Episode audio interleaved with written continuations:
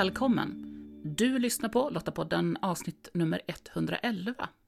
Och I den här podden så samtalar vi om ämnen som rör mänskliga rättigheter och demokrati med fokus på kvinnors delaktighet. Och det gör jag, Maria Öst, tillsammans med personer som på olika sätt arbetar för att skapa ett säkrare och tryggare samhälle. Lottapodden den är producerad av Svenska Lottakåren och vi är en frivillig försvarsorganisation som engagerar och utbildar kvinnor som vill göra skillnad för att stärka samhällets krisberedskap och totalförsvaret. I det här avsnittet möter du Emma Philipsson som är Lotta i Östgöta-Tjust Lottakår. När coronapandemin drog igång på allvar i våras då skickade kåren ut information till alla kommuner i sitt upptagningsområde och erbjöd sitt stöd.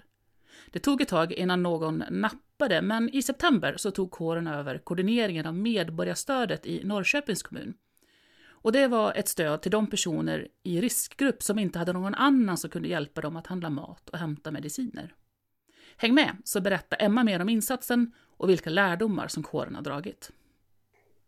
Emma, välkommen till Lottapodden. Tack så mycket. Kan inte du börja med att lite kort bara berätta vem du är? Mm. Emma Philipsson heter jag, är eh, 31 år gammal eh, och bor i Norrköping. Eh, medlem i Östgöta-Tjust lottakår eh, där jag för närvarande eh, sitter som informationslotta eh, i vår kår. Och, och, varför är du Lotta? Ja, det kommer sig så att dels så har jag i massor med år haft ett väldigt stort intresse för Försvarsmakten och hemvärnet. Eh, jag började redan som hemvärnsungdom när jag var 15 eh, och höll på med det ett antal år eh, och tog sedan lite uppehåll för att göra högskolestudier. Eh, och sen när jag flyttade tillbaka till Norrköping så kände jag så här, nu vill jag gå med i hemvärnet. Och av olika anledningar så slumpade det sig till så att eh, jag eh, fick kontakt med Lottakåren eh, och valde att eh, ta ett, ett avtal som specialist i hemvärnet istället för att eh, gå in på ett, någon annan typ av avtal eh, och blev då stabsassistent och utbildad med tre. det.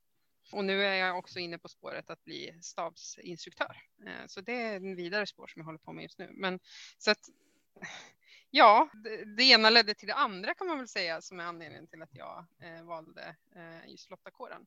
Sen är det så att jag har ett jättestort eh, ideellt eh, engagemang och intresse i rent allmänt i andra, eh, vad ska man säga, inriktningar eller eh, verksamheter. Så att det kändes naturligt att gå igenom en frivillig organisation som Svenska mm. Lottakåren. Och, och vad har det gett dig att vara medlem? Eh, det har gett mig jättemycket, framför allt eh, alltså det här nätverket som kommer med att vara eh, alltså, mm. medlem i lottakåren. Och som jag ska jämföra med om jag till exempel hade gått in på ett vanligt avtal i hemvärnet så hade jag ju inte fått det här nät, kvinnliga nätverket som man mm. får genom lottakåren. Det hade ju inte alls varit lika naturligt på det sättet.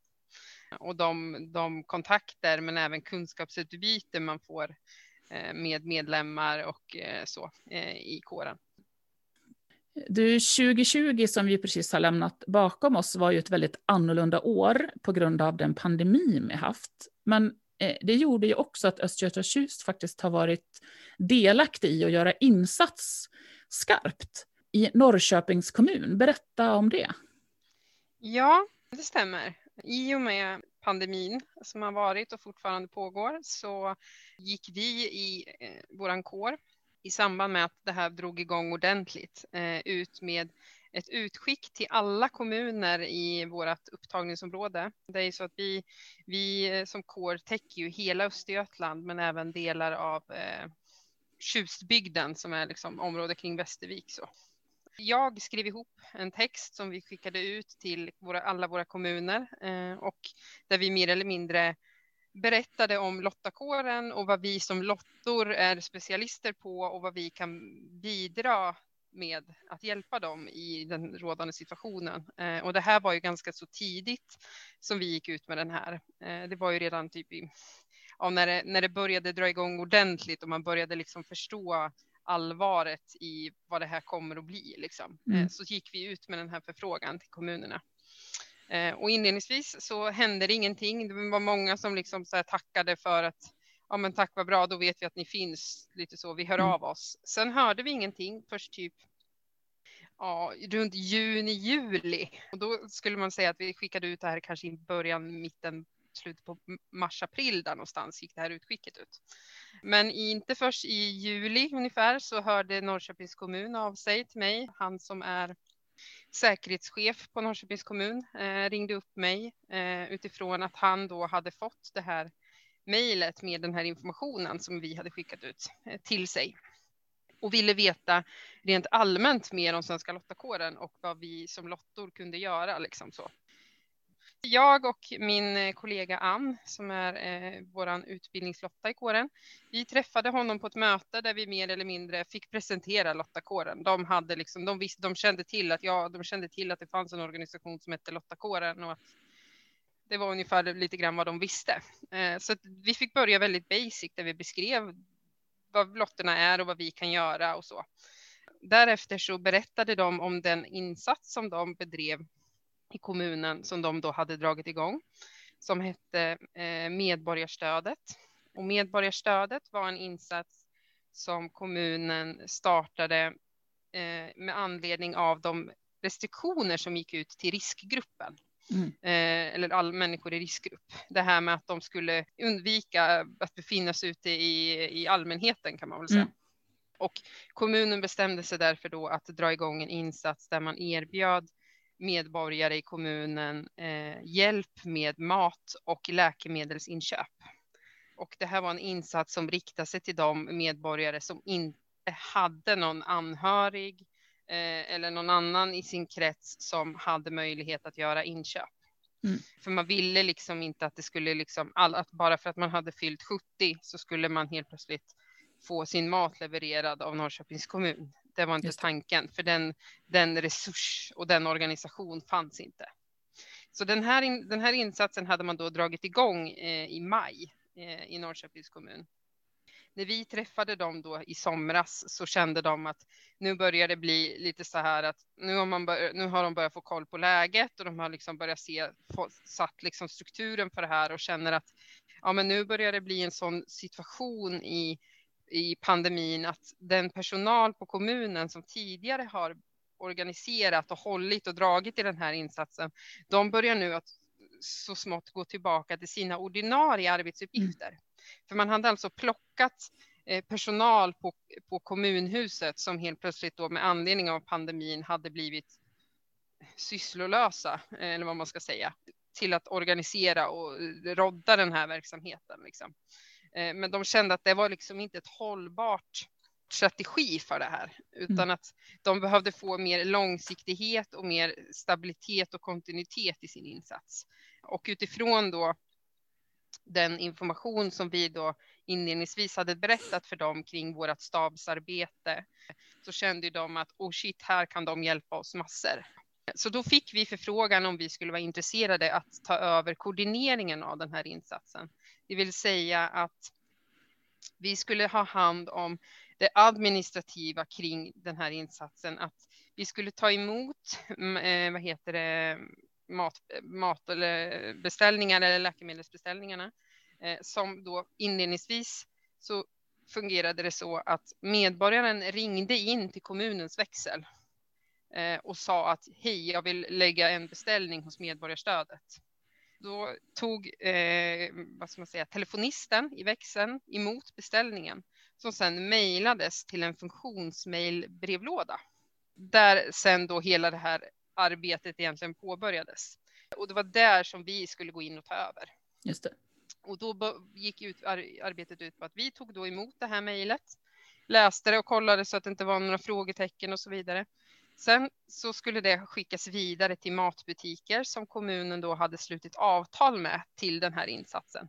Eh, och det var eh, ett antal olika eh, butiker i stan som eh, hade sagt att de kunde tänka sig att plocka ihop de här matvarorna. Då skulle de här beställningarna då eh, placeras ut till de, vilken matbutik man hade eh, i stan beroende på var de bodde någonstans i stan.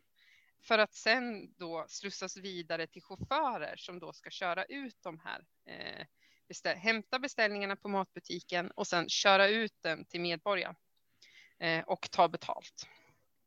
Så att våran uppgift som eh, de lotterna som då med hjälp av mig eller med stöd av mig eh, gick in i den här insatsen sen längre fram i slutet på september. Vi fick då i uppgift att koordinera det här, för vi körde aldrig bilarna, vi tog aldrig emot telefonsamtalen, utan vi gjorde liksom allt annat kan man säga mm. för att koordinera det här. Det var så att medborgaren kunde ringa in och lägga sin beställning eh, måndag till torsdag. Eller de kunde ringa in måndag till fredag, men eh, tisdag till torsdag gjordes det leveranser till medborgaren. Ringde man på måndagen före klockan två så var man garanterad att få sin leverans på tisdagen. Okej. Okay.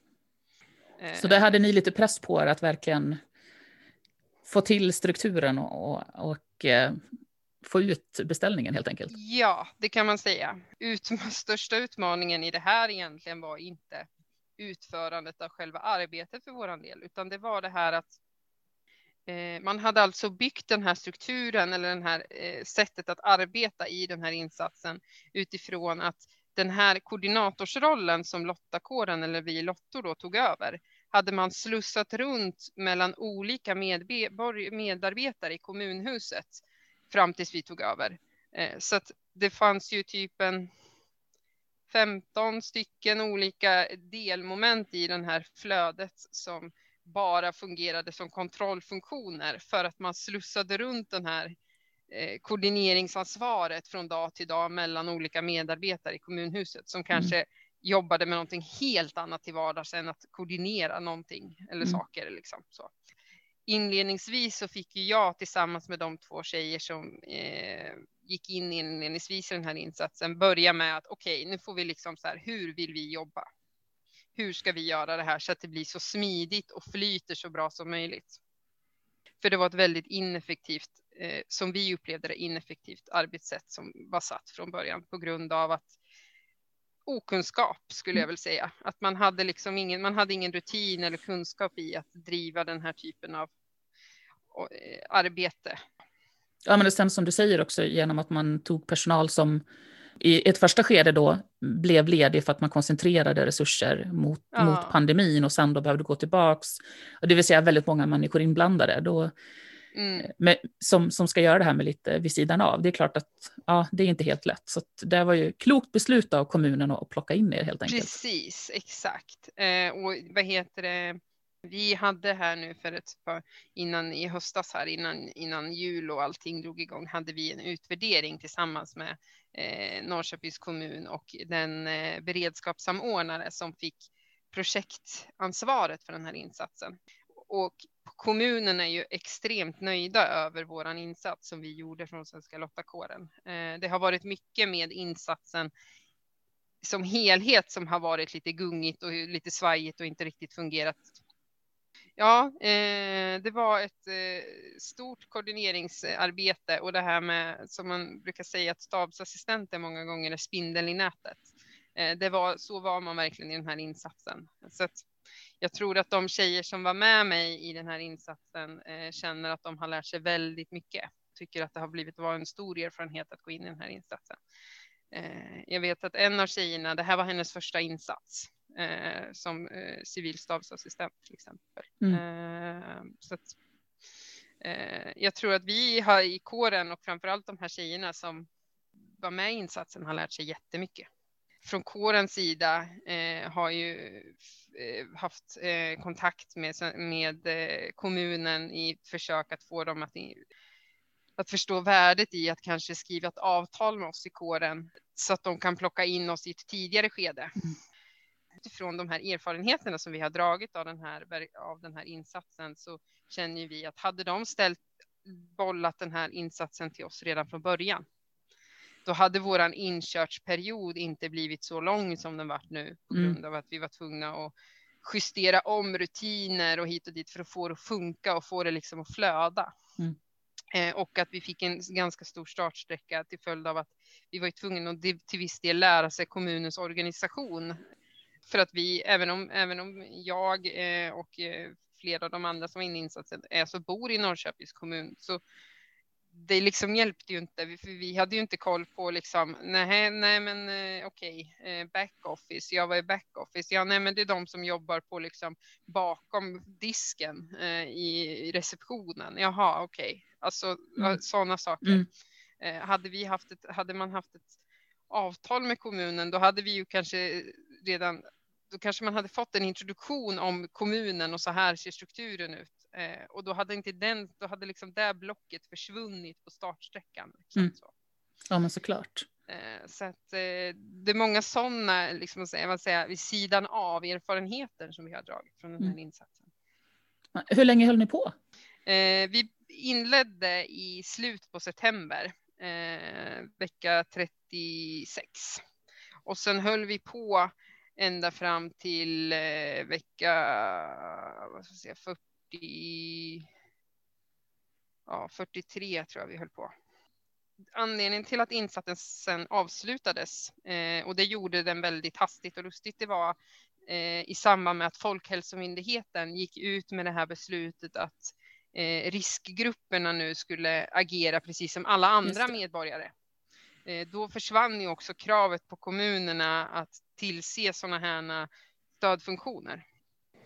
Och du berättade ju om, om de lärdomar ni har dragit och om att ni då mm, för dialog med, med kommunen för att mm.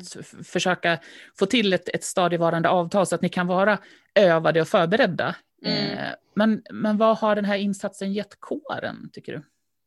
Ja, men dels så tycker jag att den har gett kåren mycket på så sätt att vi har ju lärt oss mycket av att eh, hur vi ska tänka och organisera oss egentligen i kåren när vi får sådana här förfrågningar.